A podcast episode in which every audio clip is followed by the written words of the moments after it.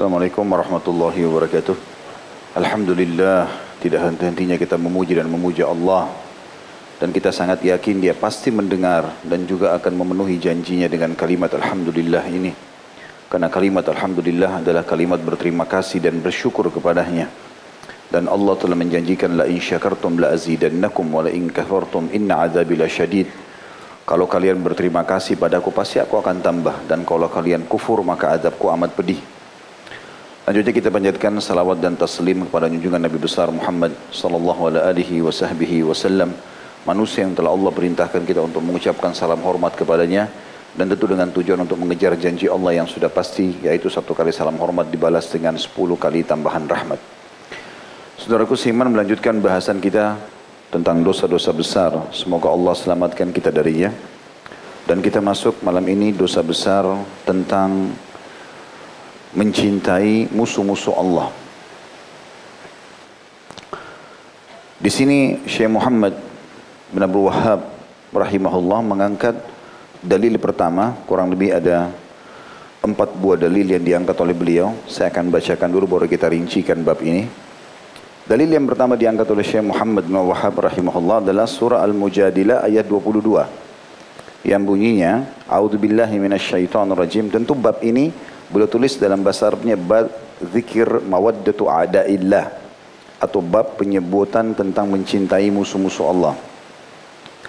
Jadi maksudnya dosa ya kalau mencintai mereka. Dalil yang pertama Al-Mujadilah 22 bunyinya A'udzubillahi minasyaitonirrajim La tajidu qauman yu'minuna billahi wal yaumil akhir yuwadduna man hadallaha wa rasulah yuwadduna man hadallaha wa rasulahu walau kanu aba'ahum aw abna'ahum aw ikhwanahum aw ashiratahum أولئك كتب في قلوبهم الإيمان أولئك كتب الله في قلوبه في قلوبهم الإيمان وأيدهم بروح منه ويدخلهم جنات تجري من تحت الأنهار خالدين فيها رضي الله عنهم ورضوا عنه. أولئك حزب الله. ala inna hizballahi humul muflihun. Engkau tak akan mendapati satu kaum yang beriman pada Allah dan hari akhir. Maksudnya yakin Allah ada dan juga mengejar surga di akhirat. Saling berkasih sayang dengan orang-orang yang menentang Allah dan Rasulnya. Sekalipun orang-orang itu adalah bapak-bapak anak-anak saudara-saudara ataupun keluarga mereka.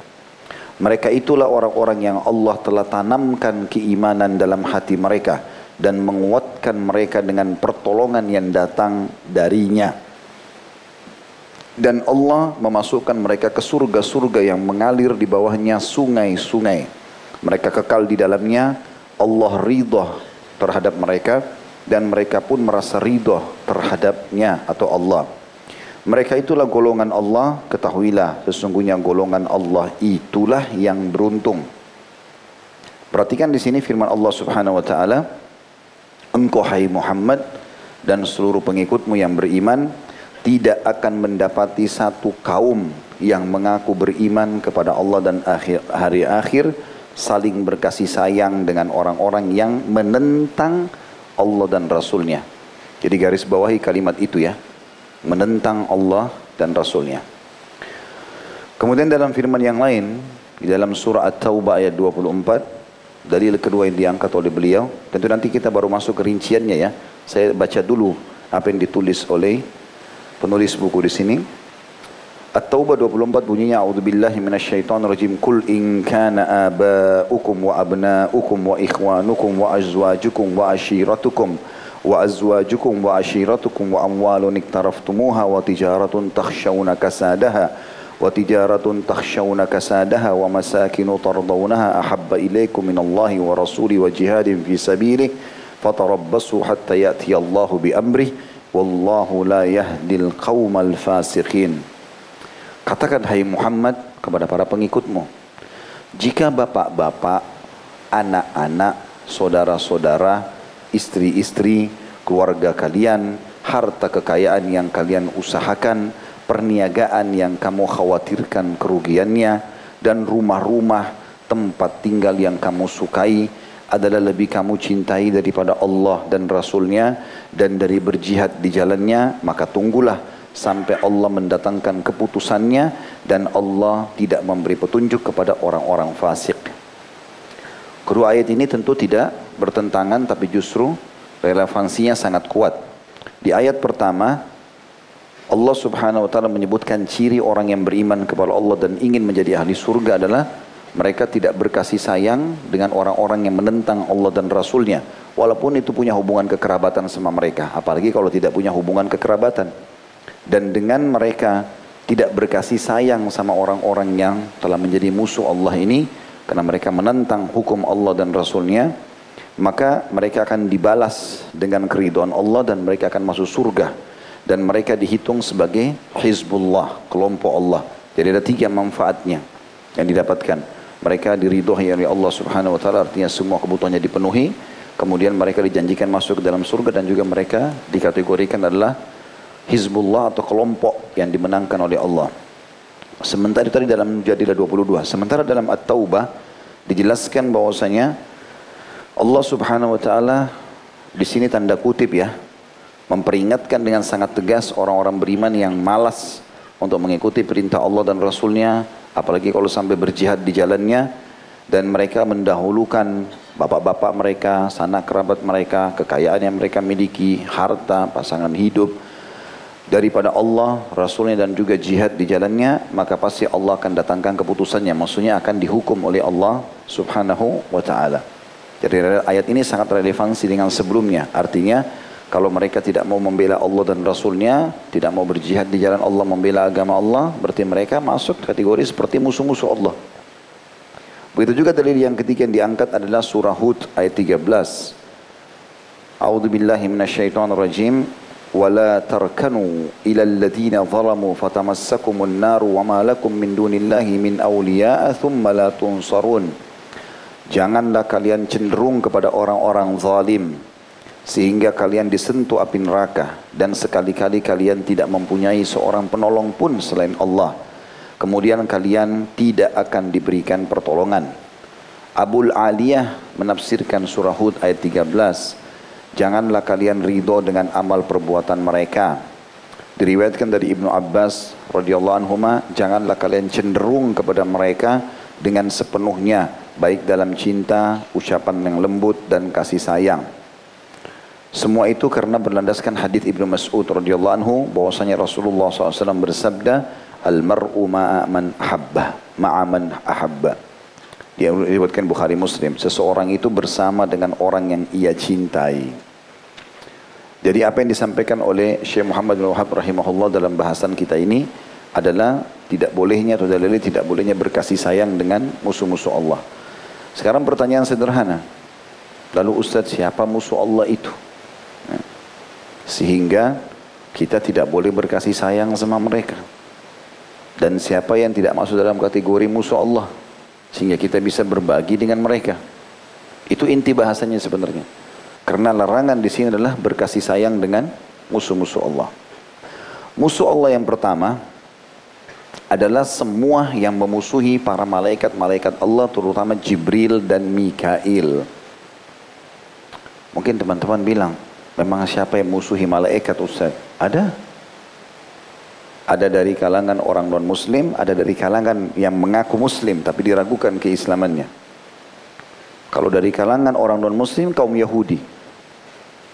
Karena pada saat Abdullah bin Salam radhiyallahu anhu masuk Islam dan dia bertanya tiga hal kepada Nabi sallallahu alaihi wasallam, dia mengatakan saya akan tanya pertanyaan tiga pertanyaan yang tidak ditahu oleh kecuali oleh seorang nabi. Artinya kalau kau jawab hai Muhammad saya masuk Islam.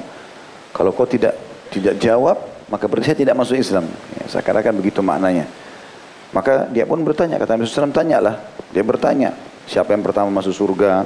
Apa makanan pertama ahli surga kapan anak itu mengikuti mirip sama ayahnya dan kapan mirip seperti ibunya maksudnya kapan kita bisa punya anak laki-laki kapan bisa punya anak perempuan maka apa jawaban Nabi SAW Sesungguhnya baru saja Jibril datang menyampaikan kepadaku jawaban tiga pertanyaan itu. Apa jawaban Abdullah bin Salam, pendeta Yahudi, walaupun nanti jadi sahabat radhiyallahu anhu. Dia mengatakan sesungguhnya Jibril adalah musuh kaum Yahudi dari kalangan malaikat. Jadi orang Yahudi luar biasa. Gitu. Tidak cukup musuhi orang Islam manusia. Malaikat dimusuhi padahal dia nggak lihat. Gitu kan. Tapi seperti itulah. Kalau dari kalangan orang-orang yang mengaku Islam adalah sebagian kelompok Syiah. Tidak semuanya, tapi ada kelompok mereka, Syiah Gulat, itu yang kalau sholat biasanya menepuk-nepuk pahanya. Sambil mereka mengatakan khanal amin, khanal amin, telah berkhianat al-amin, maksudnya Jibril alaihissalam. Maksudnya risalah langit itu Jibril bawa kepada Ali radhiyallahu anhu, tapi ini dipindahkan kepada Muhammad. Ini kebodohan tentunya ya.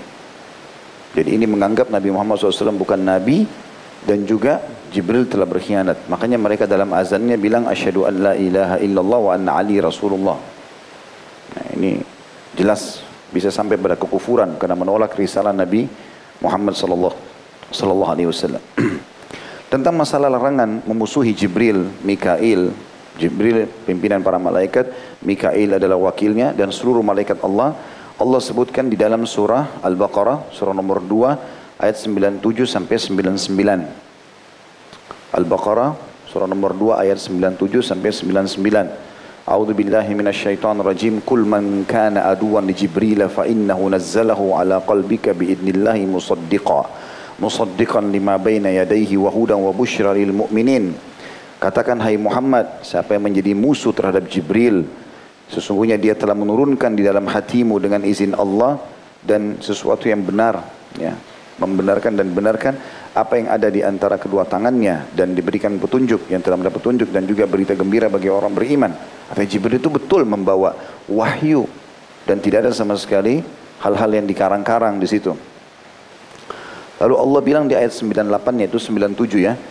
Man kana aduwan lillahi wa malaikatihi wa rusulihi wa jibrila wa mikala fa inna Allah aduun lil kafirin. Garis bawah kalimat fa inna Allah aduun lil kafirin. Barang siapa yang memusuhi Allah, malaikat-malaikatnya, utusan-utusannya, Jibril dan Mikail, sesungguhnya Allah musuh terhadap orang-orang kafir itu. Walaqad itu 98 99-nya walaqad anzalna ilaika ayatin bayyinat wa ma yakfuru biha illal fasiqun. Sesungguhnya kami benar-benar telah menurunkan kepadamu ayat-ayat yang jelas, benar, pasti, tapi sayang sekali ayat-ayat itu dikufuri oleh orang-orang fasik atau tidak akan kufur terhadap ayat tersebut kecuali orang-orang yang fasik. Jadi ini yang pertama tentang masalah permusuhan terhadap para malaikat. Dan kita tahu sebagai orang beriman, kita wajib iman kepada malaikat setelah iman kepada Allah. Yang kedua, semua orang-orang kafir yang memang dasarnya memusuhi Allah, utusannya dan agamanya. Jadi orang kafir dibagi. Ada orang kafir, dia tidak memusuhi kaum muslimin. Dia tidak memusuhi Al-Quran. Dia tidak memusuhi Nabi Muhammad SAW. Dia jalan dengan agamanya. Bahkan orang seperti ini biasanya kalau diberikan petunjuk dakwah, dia terima. Dia masuk Islam. Beda kondisi dengan orang non muslim yang memang dasarnya benci dengan Islam, bahkan berusaha memerangi kaum muslimin. Ya, membantu umat Islam, membakar mereka, banyak terjadi. Orang-orang Yahudi di Palestina, gitu kan. Sebagian kelompok orang Nasrani pada saat hari-hari di Spanyol, tidak semuanya. Khusus bagi orang yang memang sengaja mau memusuhi Allah, Rasul dan kaum muslimin, maka masuk dalam kategori ini. Dan Allah sebutkan dalam surah Al-Baqarah, surah nomor 2 ayat 98 dalilnya, tadi yang sudah kita sebutkan sebenarnya, potongan ayatnya, fa Allah aduun lil kafirin, sungguhnya Allah musuh bagi orang-orang yang kafir. Begitu juga kalau contoh misalnya ayahnya Ibrahim alaihissalam. Nabi Ibrahim alaihissalam Nabiullah. Ayahnya dia Azar, itu pembuat patung untuk Raja Namrud. Lalu selalu didakwahi oleh Ibrahim alaihissalam, didakwahi, didakwahi, tapi tidak mau dengar. Dalam surah Maryam bahkan dia mengusir Ibrahim alaihissalam. Dia suruh pergi, tidak usah ganggu saya. Bahkan dia mengancam Ibrahim alaihissalam akan menyakiti anaknya sendiri. Nah, waktu itu Ibrahim alaihissalam sempat menjanjikan untuk memohon ampun kepada Allah asal ayahnya mau. Beberapa riwayat menyebutkan waktu Azar terdesak, ya, dia merasa terdesak, Namrud mati, seluruh pengikut Nabi Ibrahim AS hijrah meninggalkan Irak pada saat itu. Maka dia pun ikut. Dia pun ikut. Ternyata dia pura-pura Islam dia pura-pura beriman. Setelah itu jelas ternyata dia adalah musuh Allah dia memerangi Ibrahim alaihissalam dan dakwahnya. Bahkan dia berusaha membuat patung lagi di lokasi baru dakwah Nabi Ibrahim alaihissalam. Makanya Ibrahim alaihissalam setelah mengetahui itu menarik permohonan ampunnya yang tadinya dia janjikan untuk ayahnya kepada Allah. Itu Allah sebutkan di dalam surah At-Taubah surah nomor 9 ayat 114. Billahi minasyaitonir rajim. Wa man kana istighfaru Ibrahim li abihi illa am mau'idatin wa'adaha iyyah illa am mau'idatin wa'adaha iyyahu falamma tabayyana lahu annahu aduwwun lillahi tabarra'a min. Inna Ibrahim la'awwahun halim. Tidaklah istighfar Ibrahim untuk ayahnya kecuali karena sebuah janji yang pernah ia janjikan untuknya untuk ayahnya pada saat ayahnya mau beriman. Tapi ternyata setelah terjelaskan bagi Ibrahim kalau ayahnya adalah musuh Allah, kata dia pura-pura saja beriman setelah dia merasa aman, tiba di lokasi hijrahnya Nabi Ibrahim AS, dia coba membuat patung lagi, maka tabarra amin. Nabi Ibrahim AS berlepas diri darinya. Sesungguhnya Ibrahim itu adalah orang yang selalu penyantun dan baik. Ya. Begitu juga disebutkan dalam surah Al-Mumtahina. Ya, surah nomor 60 ya. Ayat 1 sampai ayat 5. Allah Subhanahu wa taala berfirman, A'udhu billahi minasyaitonir rajim." Ini sedikit agak panjang ayatnya, saya bacakan. Ya ayyuhalladzina amanu la tattakhidhu aduwi wa aduwakum awliya'a tulquna ilayhim bil mawaddati wa qad kafaru bima ja'akum minal haqq بما وقد كفروا بما جاءكم من الحق يخرجون الرسول وإياكم أن تؤمنوا بالله وربكم أن تؤمنوا بالله ربكم إن كنتم خرجتم جهادا في سبيلي وابتغاء مرضاتي. تسرون إليهم بالمودة وأنا أعلم بما أخفيتم وما أعلنتم ومن, يف ومن يفعله منكم فقد ضل سواء السبيل. Hai orang-orang beriman, janganlah kamu mengambil musuhku. Ada kalimat Allah itu. Kanya besar berarti kata ganti Allah. Jadi Allah punya musuh. Dan musuhmu menjadi teman-teman setia. Yang kamu sampaikan kepada mereka dalam kurung berita-berita Muhammad karena rasa kasih sayang. Tentu ayat ini turun kepada orang kafir Quraisy Mekah ya. Tadi saya kan kasih, kasih batasan ya. Yang dimaksud dengan orang kafir di poin kedua yang musuh Allah ini adalah orang-orang kafir yang sengaja memerangi Allah dan Rasulnya. Dan Syekh Muhammad bin Abu Hab mengangkat ayat pertama tadi surah Fussilat ayat 22 dalil pertama. Yaitu mereka ciri-cirinya menentang Allah dan Rasulnya. Ya. Dikatakan dan kalian menjadikan mereka eh, Hai orang beriman janganlah kalian mengambil atau menjadikan musuhku dan musuhmu menjadi teman-teman setia yang kamu sampaikan kepada mereka berita-berita tentang Muhammad karena rasa rasa kasih sayang kepada mereka. Padahal sungguhnya mereka telah ingkar kepada kebenaran yang datang kepadamu. Mereka mengusir Rasul dan mengusir kamu karena kamu beriman kepada Allah Tuhanmu. Maksudnya mereka kelihatannya senyum, ramah di Mekah padahal sebenarnya karena ada maslahat biasanya orang-orang Mekah itu mungkin karena ada duit, ada hubungan kekerabatan, tapi mereka sebenarnya membenci ya Islam itu sendiri. Jika kamu benar-benar keluar untuk berjihad di jalanku, kata Allah, kau hijrah ke Madinah, kau ingin membela agama ini dan mencari keridhoanku, maka janganlah kamu berbuat demikian. Yang sudah jelas-jelas keluar memerangi kalian, ya, memerangi Allah dan Rasulnya, jangan berkasih sayang dengan mereka. Kamu memberitahukan secara rahasia berita-berita Muhammad kepada mereka karena rasa kasih sayang. Aku lebih mengetahui apa yang kamu sembunyikan kata Allah dan apa yang kamu nyatakan. Dan barang siapa di antara kamu yang melakukannya maka sungguhnya dia telah tersesat dari jalan yang lurus. Itu ayat satunya. Itu ayat satunya. Ayat duanya tentu ayat satu sampai ayat lima itu ya iyathqafukum yakunu lakum a'da'an wa yabsutu ilaikum aydiyahum wa alsinatahum bis-su'i wa waddu law takfurun.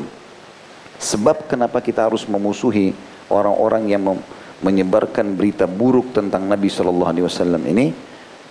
Dikatakan karena jika mereka menangkap kamu, orang-orang Mekah pada saat itu sebelum mereka masuk Islam, mereka banyak berkhianat sepakat-sepakat sama muslimin tapi ternyata mereka mengkhianati seperti kesepakatan Hudaybiyah yang mereka khianati gitu kan? Niscaya mereka bertindak sebagai musuh bagimu. Jika mereka menangkapmu maka mereka akan bertindak sebagai musuh bagimu dan melepaskan tangan dan lidah mereka kepadamu dengan menyakitimu. Dan mereka ingin supaya kamu kembali kepada kekafiran menyembah berhala lagi. Ayat tiganya lan tanfa'akum arhamukum wala auladukum yaumal qiyamati yafsilu bainakum wallahu bima ta'maluna basir. Ketahuilah karib kerabat dan anak-anakmu kalau kalian berbeda keyakinan satu muslim satu kafir sekali-kali tidak bermanfaat bagimu pada hari kiamat. Kalau mereka meninggal tidak sempat masuk Islam maka itu akan terpisahkan kata Allah. Dia Allah dia besar kata ganti Allah akan memisahkan antara kamu dan Allah maha melihat apa yang kamu kerjakan. Karena dia adalah pencipta. Dia maha mengetahui semuanya. Lalu ayat empatnya diceritakanlah tadi kisah Ibrahim alaihissalam. Ya. sebabnya kenapa Ibrahim alaihissalam menjanjikan kepada ayahnya pemohonan ampun. Lalu kemudian di ayat tadi yang kita sudah sebutkan beliau menarik kembali. Kata Allah SWT kanat lakum uswatun hasanatun fi Ibrahim walladzina ma'ahu. إذ قالوا لقومهم إنا براء منكم ومما تعبدون من دون الله كفرنا بكم وبدا بيننا وبينكم العداوة وبدا بيننا وبينكم العداوة والبغضاء أبدا حتى تؤمنوا بالله وحده إلا قول إبراهيم إلا قول إبراهيم لأبيه لأستغفرن لك وما أملك لك من الله من شيء ربنا عليك توكلنا وإليك أنبنا وإليك المصير Sesungguhnya telah ada suri tauladan yang baik bagimu pada Ibrahim, Nabi Ibrahim alaihissalam dan orang-orang yang bersama dengan dia. Ketika mereka berkata kepada kaum mereka, sungguhnya kami berlepas diri daripada kamu, dari apa yang kamu sembah selain Allah. Kami ingkari kekafiranmu dan telah nyata antara kami dan kamu permusuhan dan kebencian buat selama-lamanya. Sampai kamu beriman kepada Allah saja. Jadi maksudnya kalau ada orang kafir, ada orang yang bermaksiat yang kita benci apanya? Hah? Kekafirannya dan perbuatan maksiatnya, bukan fisiknya. Makanya di maksud ini permusuhan adalah kami memusuhi kekufuran kalian kepada Allah itu, bukan fisiknya. Makanya setelah dia taubat, dia masuk Islam, berbeda gitu kan. Karena yang sedang kita tidak senangi kekufurannya saja. Ya. Kecuali perkataan Ibrahim kepada bapaknya, sesungguhnya aku akan memohonkan ampunan bagi kamu dan aku tidak dapat menolak sesuatu dari Allah. Ya. Atau dari kamu yang berbentuk siksaan Allah padamu. Ibrahim berkata, ya Tuhan kami, hanya kepada engkau lah kami bertawakal dan hanya kepada engkau lah kami bertobat dan hanya kepada engkau lah kami kembali. Kemudian ayat yang kelimanya, Rabbana la taj'alna fitnatan lilladina kafaru waghfir lana Rabbana innaka antal azizul hakim. Ya Tuhan kami, janganlah engkau jadikan kami sasaran fitnah bagi orang-orang kafir. Maksudnya jangan kami kami kami nanti sarah dalam uh, memfonis orang atau mereka malah mengganggu kami. Jadi yang ya apa yang kau telah perintahkan kami musuhi ya sebatas itu saja. Tidak semuanya gitu kan. Dan ampunilah kami. Ya Tuhan kami sungguhnya engkau lah yang maha perkasa lagi maha bijaksana. Jadi itu surah Al-Mumtahinah ayat uh, eh, 1 sampai 5. Itu juga dengan surah Al-Anfal Allah Subhanahu wa taala menyebutkan di dalam surah nomor 8 ayat 60 di mana Allah Subhanahu wa taala memerintahkan kita dan menggunakan kalimat musuh Allah ini bagi orang-orang yang keluar untuk memerangi kaum muslimin. Allah berfirman, "A'udzubillahi minasyaitonir wa iddu lahum mastata'tum min quwwatin wa min ribatil khairi turhibuna bihi aduwallahi." Ini kalimat saksi bahasanya aduwallah. Turhibuna bihi aduwallahi wa aduwakum wa akharina min dunihim la ta'lamunahum Allahu ya'lamuhum wa ma tunfiqu min syai'in fi sabilillahi waffa ilaikum wa antum la tudlamun. Dan siapkanlah untuk menghadapi mereka kekuatan apa saja yang kamu sanggupi dari kuda-kuda yang ditambat untuk berperang yang dengan persiapan itu kamu menggentarkan musuh Allah dan musuhmu. Maksudnya orang-orang kafir yang keluar memang untuk memerangi kaum muslimin.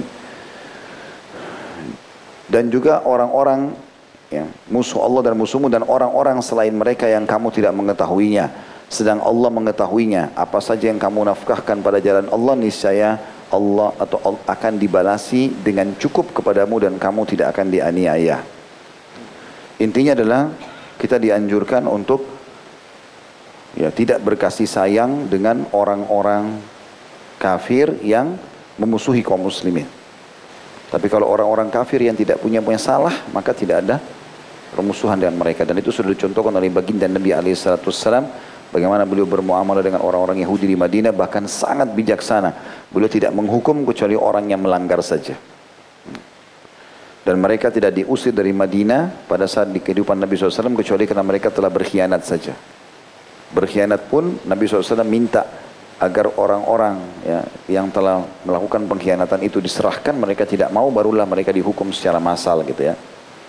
Yang ketiga musuh Allah adalah iblis dan semua pendukungnya. Termasuk dari ahli maksiat ya. Tentu puncaknya dia adalah para penyihir, dukun ya, peramal, penyamun. Ini musuh Allah. Karena mereka adalah juru bicaranya iblis, pendukung para syaitan.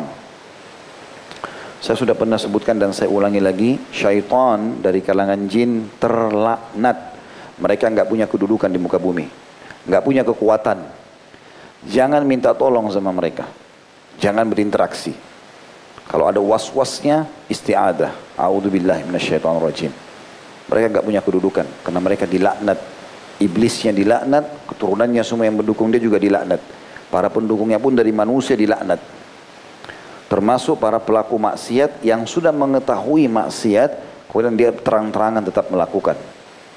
Karena ada berbeda orang yang melakukan maksiat tapi tidak tahu hukumnya ya. Maka ini belum tegak padanya argumentasi. Tapi kalau sudah tegak masuk dalam kategori ini. Allah subhanahu wa ta'ala memerintahkan kita menjadikan iblis dan sekutunya semuanya menjadi musuh dan itu banyak sekali dalilnya di antaranya adalah surah Al-Kahfi, surah nomor 18 ayat 50. A'udzu billahi minasyaitonir rajim. Wa idh qulna lil malaikati isjudu li Adam fasajadu illa iblisa kana minal jinni fa fasaqa an amri rabbi afatattakhidunahu wa dhurriyyatahu awliya'a min duni wa hum lakum adu bi'sa lidh zalimina badala. Jadi subhanallah ada anjuran untuk sering mengulang-ulangi surah Al-Kahfi. Ya, kita sudah tahu masalah itu. Dan ingatlah kata Allah ketika kami berfirman kepada para malaikat, sujudlah kamu kepada Adam, maka sujudlah mereka kecuali iblis. Dia adalah dari golongan jin, maka ia mendurhakai perintah Tuhannya. Ya, karena dia tidak mau sujud sesuai dengan perintah Allah, Allah jadikan sebagai musuh. Gitu kan? Maka Allah mengatakan, patutkah kamu mengambil dia, iblis, ya, dan keturunan atau turunan-turunannya, pengikut-pengikutnya sebagai pemimpin selain daripada aku, maukah kalian ikuti bisikan-bisikannya, berkasih sayang dengannya, gitu kan? Dukun-dukun pergi berikan sembelihan ya untuk dewa ini, untuk penjaga gua itu, penjaga laut ini, berkasih sayang sama syaitan. Sedangkan mereka adalah musuh kalian. Amat buruklah iblis itu kata Allah sebagai pengganti dari Allah bagi orang-orang yang zalim. Bodoh mereka nggak faham. Padahal sebenarnya itu bahaya buat mereka. Iblis tidak akan pernah mengubah permusuhannya walaupun ada manusia yang mengabdi kepadanya. Tetap dia akan musuh dengan manusia itu tanpa manusia itu sadari kebodohan. Begitu juga dalam surah Toha, surah nomor 20, ayat 117. A'udzu billahi minasyaitonir rajim. Allah memerintahkan ayah kita Adam dan ibu kita Hawa untuk menjadikan iblis sebagai musuh. Karena memang dia musuh Allah. Fakulna ya Adamu inna hadza aduun laka wa li zawjika fala yukhrijannaka minal jannati fatashqa. Maka kami berkata, hai Adam, Allah berfirman kepada Adam, sesungguhnya ini ditunjuklah iblis adalah musuh bagimu dan bagi istrimu. Maka sekali-kali janganlah sampai ia mengeluarkan kamu baru dari surga. Yang menyebabkan kamu menjadi celaka. Kemudian juga Allah sebutkan masih di surah yang sama ayatnya 123 beberapa ayat setelah itu Allah berfirman qala bita minha jami'a qala bita minha jami'a ba'dukum li ba'din adu fa imma ya'tiyannakum minni hudan faman ittaba hudaya fala yadhillu wa la yashqa. Allah berfirman turunlah kamu berdua dari surga bersama-sama. Sebagian kamu menjadi musuh bagi sebagian yang lain. Maka jika datang kepadamu petunjuk daripadaku, lalu barang siapa yang mengikuti petunjukku, maka ia tidak akan sesat dan tidak akan celaka. Kemudian juga disebutkan dalam surah Fatir, surah nomor 35 ayat 6, Allah subhanahu wa ta'ala berfirman, Ya ayyuhal, ya ayyuhan nasu inna wa'dallahi haqq فلا تغرنكم الحياة الدنيا ولا يغرنكم بالله الغرور ayat 5 sama ayat 6 ya inna syaitana lakum aduun fattakhiduhu aduwa innama yad'u hisbahu liyakunu min ashabis sa'ir hai manusia ayat 5 nya surah fatir sesungguhnya janji Allah adalah benar maka sekali-kali jangan kehidupan dunia memperdayakan kamu dan sekali-kali janganlah syaitan yang pandai menipu memperdayakan kamu tentang Allah Gak usah sholat, gak usah puasa, gak usah berbuat bakti sama orang tua, gak usah haji, gak usah begini, ditunda-tunda sama dia. Jangan sampai kau tertipu karena janji Allah benar. Semua itu harus kau kerjakan, kau akan dapat pahala dan masuk surga. Lalu dikatakan sesungguhnya syaitan itu adalah musuh bagimu. Maka anggaplah ia musuhmu. Ya, jadi Allah SWT karena memusuhi iblis, Allah suruh kita pun memusuhinya. Karena sungguhnya syaitan-syaitan itu hanyalah mengajak golongannya supaya mereka menjadi penghuni neraka yang menyala-nyala. Kemudian yang keempat teman-teman musuh Allah SWT setelah iblis adalah kaum munafik. Dan ini wa billah kelompok yang paling berbahaya. Kelompok yang paling berbahaya. Karena dia berada di tengah-tengah kita kaum muslimin dan mereka menggunakan nama-nama kita, menggunakan bahasa dan retorika kita, ikut bersama kita sholat, hadir dalam majlis-majlis ilmu dan segala macam hal. Haji, ya, tapi munafik. Munafik artinya pura-pura Islam. Lalu Ustaz dari mana kita tahu orang ini munafik atau tidak? Allah subhanahu wa ta'ala turunkan surah khusus. Surah nomor 63 namanya surah Al-Munafikun. Allah subhanahu wa ta'ala menceritakan tentang kisah mereka.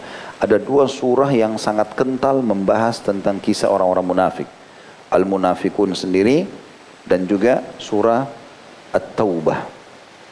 Pada saat Nabi SAW pulang dari perang Tabuk, di bulan Rajab tahun 9 Hijriah itu sebenarnya tujuan Nabi SAW menyerang kerajaan Heraklius ya Bizantium Romawi pada saat itu tapi karena Heraklius tidak mau keluar dan dia yakin Nabi SAW adalah Nabi dia takut dikalahkan maka dia tidak keluar ternyata di situ hikmahnya adalah Allah SWT membongkar kedok orang-orang munafik dan mereka cirinya yang paling dasar selalu bentrok sama agama Allah setiap kali Allah mengatakan ini tidak boleh, boleh.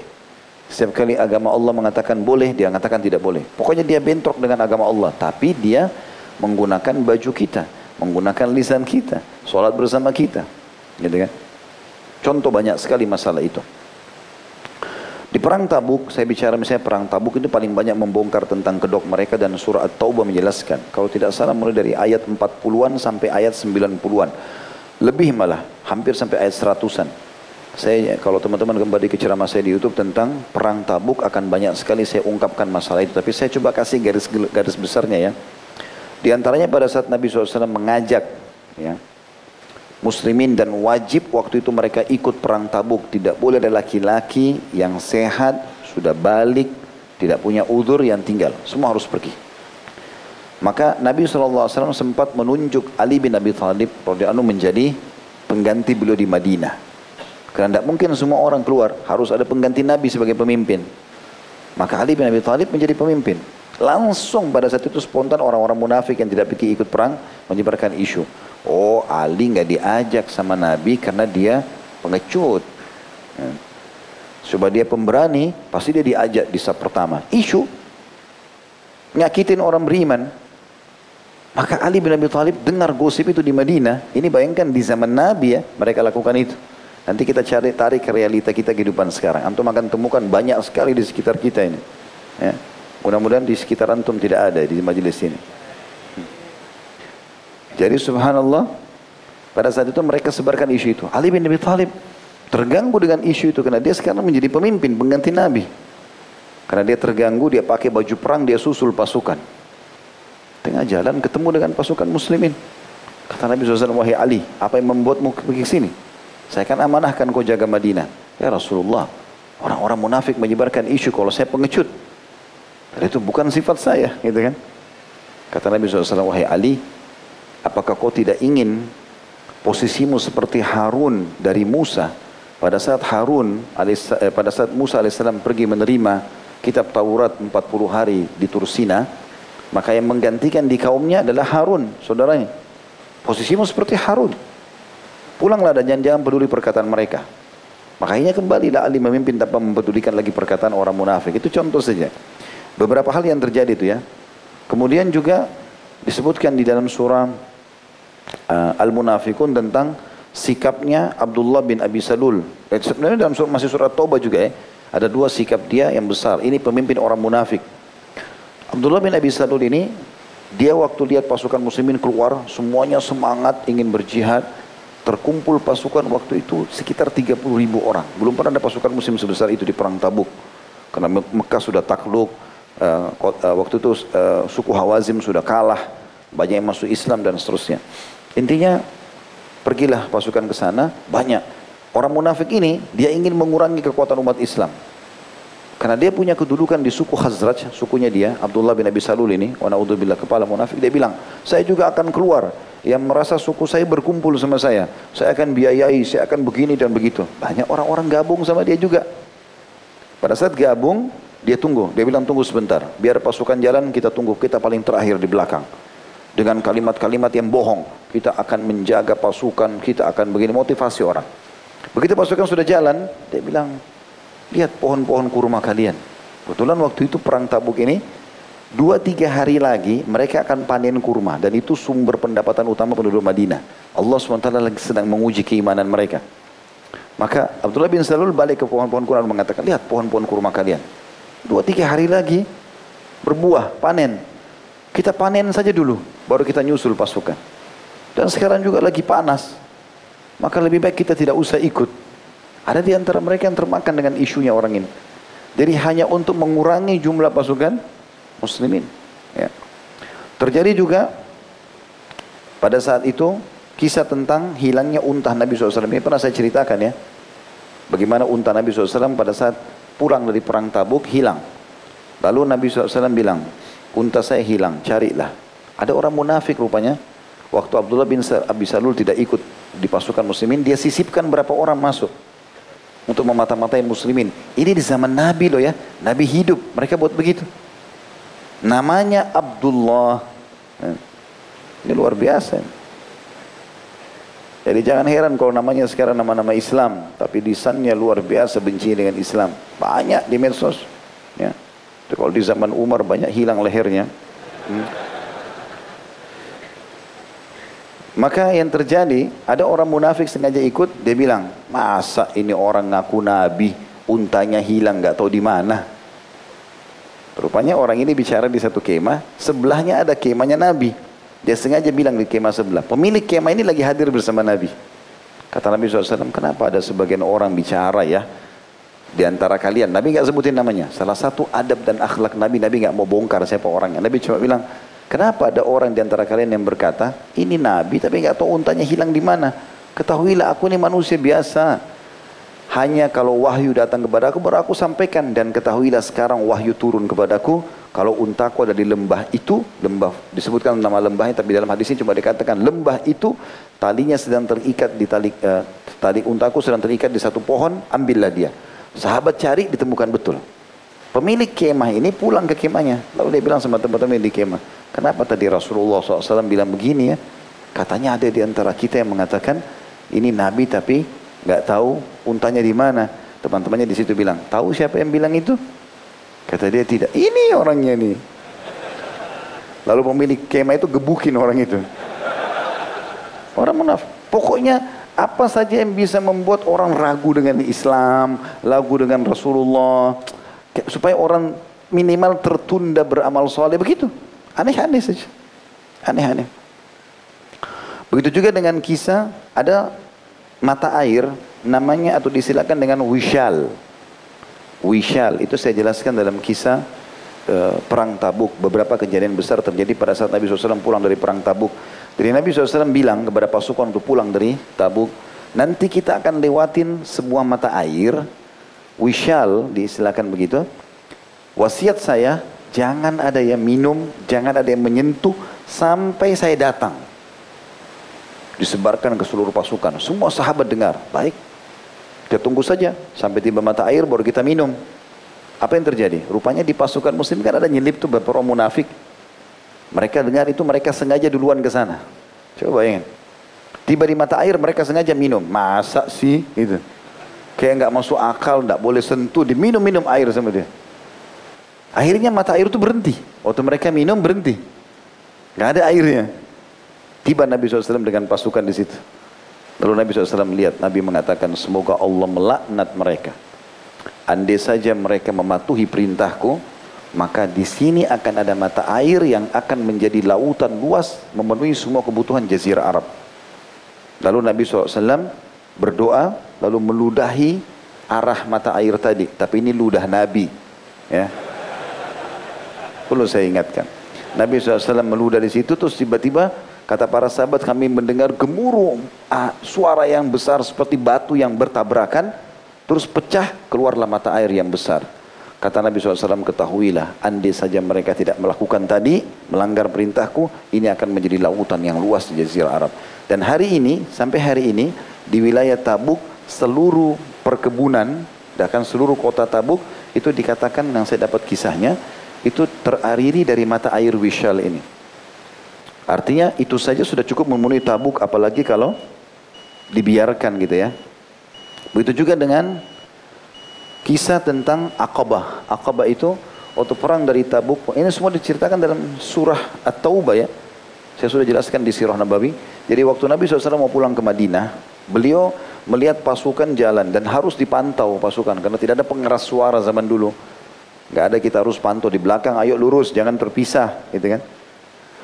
Maka Nabi SAW mengajak Ammar bin Yasir dan Hudzaifah bin Yaman radhiyallahu anhu, dua orang sahabat yang mulia dipanggil, disuruh naik temani Nabi di atas Aqabah. Rupanya di situlah ketahuan berapa jumlah orang munafik waktu mau pulang ke Madinah. Kurang lebih 14 orang mereka. Lalu mereka menutup wajah mereka dengan kain-kain wajah, lalu mereka mengatakan, waktu lihat Nabi SAW di atas bukit Aqabah namanya, Nabi lagi mantau pasukan. Kalau ada yang agak miring, ada yang jauh, ada yang keluar, kelihatan dari atas gunung itu. Maka mereka bilang satu sama lain, kalian tidak akan mendapatkan kesempatan membunuh orang ini ya lebih bagus daripada waktu ini. Ini Nabi mau dibunuh. Bayangin aja. Kalau cuma zaman sekarang ulama dai itu kecil, Nabi mereka mau bunuh zaman itu, gitu kan? Maka Nabi SAW tapi tidak bicara apa-apa. Nabi dapat wahyu kalau mereka akan bunuh. 14 orang ini langsung naik ke Aqabah. Kata Ammar bin Yasir dan Hudzaifah bin Yaman radhiyallahu anhu kami mengira mereka adalah orang-orang yang Nabi larang karena Nabi bilang, saya akan naik ke Aqabah, ke gunung tinggi itu, jangan ada yang ikut ya, kecuali Ammar dan Hudzaifah. Jadi mereka bilang berdua, saya kami kira mereka ini hanya orang-orang yang tidak mau dengar perintah Nabi lalu tetap mau naik gitu loh. Lalu kami mengusir mereka dengan pedang lalu mereka lari. Tapi kami melihat di wajah Nabi, raut wajahnya berubah total dan sangat marah. Yang belum pernah kata Hudzaifah aku melihat Nabi SAW marah seperti itu. Lalu kata Hudzaifah, kata Nabi SAW, Hai Hudzaifah, apa kau tahu siapa mereka? Tidak ya Rasulullah. Mereka adalah 14 orang dari suku Tamim pada saat itu, dari kaum munafikin. Namanya Fulan, Fulan, Fulan, Fulan. Nabi sebutin satu persatu nama-nama mereka. Ketahuilah mereka semua berusaha untuk membunuhku. Seperti itu. Begitu juga dengan mereka membangun masjid masjid untuk memerangi Allah dan Rasulnya namanya Masjid Diror Masjid Dirar. Ya. Baik, jadi ada dua orang, tadi saya bilang pimpinan orang munafik, ada satu Abdullah bin Abi Salul, ada satu lagi namanya Abu Amir Al-Fasiq. Dua-duanya ini hampir menjadi raja di Madinah, mau dipakikan mahkota kerajaan. Waktu Nabi SAW datang mereka nggak jadi. Nabi yang jadi raja kan, mereka sakit hati.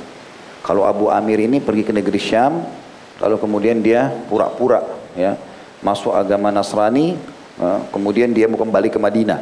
Intinya mereka berdua akhirnya menyatakan masuk Islam, ya, orang-orang ini. Lalu mereka bangun masjid namanya masjid, dinamakan Masjid Dirar. Masjid yang untuk memerangi Allah dan Rasulnya. Sebelum Nabi SAW tinggalkan Madinah untuk ke Tabuk, mereka sempat, uh, mereka ini sempat berdua meminta Nabi SAW sholat di masjid itu. Supaya ada bayangan, oh Nabi datang nih, gitu lah. Masjid itu juga layak disolati. Tapi Nabi SAW subhanallah bilang, saya sekarang lagi sibuk dengan eh, persiapan pasukan perang tabuk. Nanti kalau perang pulang dari tabuk, itu pun saya menunggu instruksi atau perintah wahyu dari Allah. Kalau Allah suruh saya sholat sana, saya sholat. Kalau tidak, tunggu perintah Allah. Pergilah berperang. Pulang berperang, subhanallah, perintah Nabi SAW. Waktu pasukan sudah dekat dengan Madinah, menyuruh dua orang sahabat, yaitu Malik bin Jush'um dan Ma'ani bin Nadi radhiyallahu anhumah untuk datang ke Madinah dan membakar masjid itu. Masjid Dirar dibakar. Kita baca coba ya, surah At-Taubah, surah nomor 9 ayat 107 tentang masalah Masjid Dirar ini. أعوذ بالله من الشيطان الرجيم والذين اتخذوا مسجدا ضرارا وكفرا وتفريقا بين المؤمنين وإرصادا لمن حارب الله ورسوله من قبل ولا يحلفن إن أردنا إلا الحسنى Wallahu yashhadu innahum lakadzibun. Dan di antara orang-orang munafik itu ada orang-orang yang mendirikan masjid. Mereka bangun masjid, bayangkan aja. Tapi untuk apa? Disebutkan oleh Allah. Untuk menimbulkan kemudaratan pada orang-orang beriman. Buat juga kajian-kajian, tapi permusuhan, perpecahan. Untuk kekafiran dan memecah belah antara orang-orang mukmin serta menunggu kedatangan orang-orang yang telah memerangi Allah dan Rasulnya sejak dulu. Jadi di Madinah yang bangun Abdullah bin Abi Salul, temannya Abu Amir al-Fasik dari negeri Syam mau dipanggil datang sana jadi imam. Padahal ini orang munafik semua. Mereka sungguhnya bersumpah, kami tidak menghendaki selain kebaikan dan Allah menjadi saksi bahwa sungguhnya mereka adalah pendusta dalam sumpahnya. Lalu Allah melarang Nabi Muhammad SAW untuk sholat di masjid itu 108 la takum fihi abada la masjidun ussisa ala taqwa min awwal yawmin ahqqu an taquma fi fihi rijalun yuhibbuna an yatatahharu wallahu yuhibbul mutahhirin. Janganlah kamu salat dalam masjid itu selama-lamanya atau sembahyang. Sesungguhnya masjid itu didirikan atas dasar sesungguhnya masjid yang didirikan di atas dasar takwa artinya kepatuhan kepada Allah hartanya halal memang untuk ibadah kepada Allah yang dimaksud dalam masjid Kuba Sejak hari pertama kau hijrah ke Madinah hai Muhammad lebih patut kamu sholat di dalamnya. Di dalamnya di dalam masjid itu ada orang-orang yang ingin membersihkan diri. Sesungguhnya Allah menyukai orang-orang yang suka bersih. Kita cukup sampai sini insya Allah dulu karena banyak sekali dalil yang harus dibaca. Jadi kurang lebih masjid dirar ya. Dan itu dilarang di dalam agama Islam. Semua masjid dirar itu tertuju kepada uh, apa namanya memerangi Allah dan Rasulnya. Walaupun namanya masjid Sebagian ulama mengatakan sekarang masuk di dalamnya juga kalau ada orang membangun universitas, sekolah-sekolah, pesantren, mengatasnamakan Islam tapi isinya semua memerangi kaum muslimin. Ini masuk dalam masalah ini. Seharusnya harus diberhentikan tentunya ya, diberhentikan. Kemudian yang kelima yang merupakan musuh Allah setelah orang munafik tentu yang pertama musuh yang memusuhi para malaikat terutama Jibril dan Mikail. Kemudian umumnya orang-orang kafir yang memerangi muslimin, Kemudian iblis dan seluruh pendukungnya terutama para dukun, peramal, penyamun, penyihir dan orang-orang yang terang-terangan melakukan kemaksiatan telah tegak hujah padanya. Kemudian yang keempat orang-orang munafik dan sekarang kita masuk yang kelima adalah orang-orang yang memusuhi para wali Allah. Itu juga musuh Allah. Karena Nabi SAW telah bersabda dalam hadis Bukhari, Allah Ta'ala berfirman, Man ada li waliyan faqad adhantuhu bil harb. Siapa yang memusuhi waliku maka berarti dia telah menantangku untuk berperang atau aku telah memerintahkan menggunakan perang terhadapnya. Ya berarti dia musuh Allah. Pertanyaan sederhana, lalu siapa orang-orang yang dikatakan waliullah itu? Allah sebutkan di dalam surah Yunus Tepatnya ayat ya 62 sama 63. A'udzu billahi minasyaitonir rajim. Ala inna awliya Allah la khaufun alaihim wa lahum yahzanun. Ingatlah dan ketahuilah bahwasanya sungguhnya wali-wali Allah itu tidak ada kekhawatiran terhadap mereka dan tidak pula mereka bersedih hati. Lalu Allah sebutkan cirinya, siapa wali-wali Allah yang dijamin tidak perlu ketakutan bagi mereka? Di ayat 63 surah Yunus alladzina amanu wa kanu yattaqun Orang-orang yang telah menyatakan beriman kepada Allah dan mereka selalu bertakwa. Takwa artinya patuh. Allah perintahkan kerjakan. Dia tidak bahkan memilah yang wajib dan sunnah dan Allah yang apa yang Allah larang dari haram dan makruh pun ditinggalkan. Itu adalah ciri wali Allah. Ibnu Taimiyah berkata rahimahullah, "Auliya Allah humul mu'minun al-muttaqun." Ketahuilah bahwasanya yang dimaksud dengan wali Allah adalah orang-orang mukmin yang betul-betul yakin dengan keenam rukun iman, iman kepada Allah, pada malaikat, kitab-kitab, rasul-rasul, hari kiamat, takdir baik dan takdir buruk. Kemudian mereka muttaqun. Selalu istiqomah berpegang pada agama Allah itu. Ya. Kita temukan kesehariannya sibuk dengan agama Allah subhanahu wa ta'ala. Yang halal dinikmati, yang haram dijauhi. Yang diperintahkan kerjakan, yang dilarang dijauhi. Abdurrahman As-Sa'di, Syekh Abdurrahman As-Sa'di salah satu ahli tafsir yang masyhur berkata, "Fakullu man kana mu'minan taqiyan kana lillahi ta'ala waliyan." Dalam tafsir beliau, eh, Taisir Al-Karim Ar-Rahman di halaman 368, beliau mengatakan, "Ketahuilah semua orang mukmin yang suka bertakwa, selalu patuh dan istiqomah, maka mereka adalah wali-wali Allah." Jadi ini yang kelima, memusuhi wali-wali Allah. Jadi Maksudnya kita tentu tidak boleh punya musuh ya. Kecuali memang yang Allah perintahkan untuk dimusuhi. Tapi kalau misalnya kita sampai memusuhi orang-orang yang dekat kepada Allah ini hukumannya lebih berat. Karena mereka adalah orang yang selalu beribadah kepada Allah setiap hari. Syaitan juga kata para ulama menggelorahkan di hati orang-orang yang munafik atau lemah imannya untuk membenci wali-wali Allah ini. Sehingga mereka tanpa bisa tambah menyadari sedang mengumandangkan perang kepada Allah subhanahu wa ta'ala.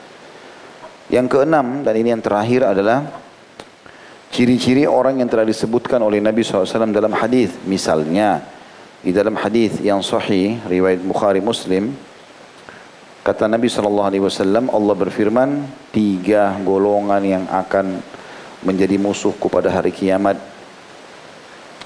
Yang pertama adalah yang bersumpah menggunakan namaku, nama Allah, kemudian dia mengkhianatinya.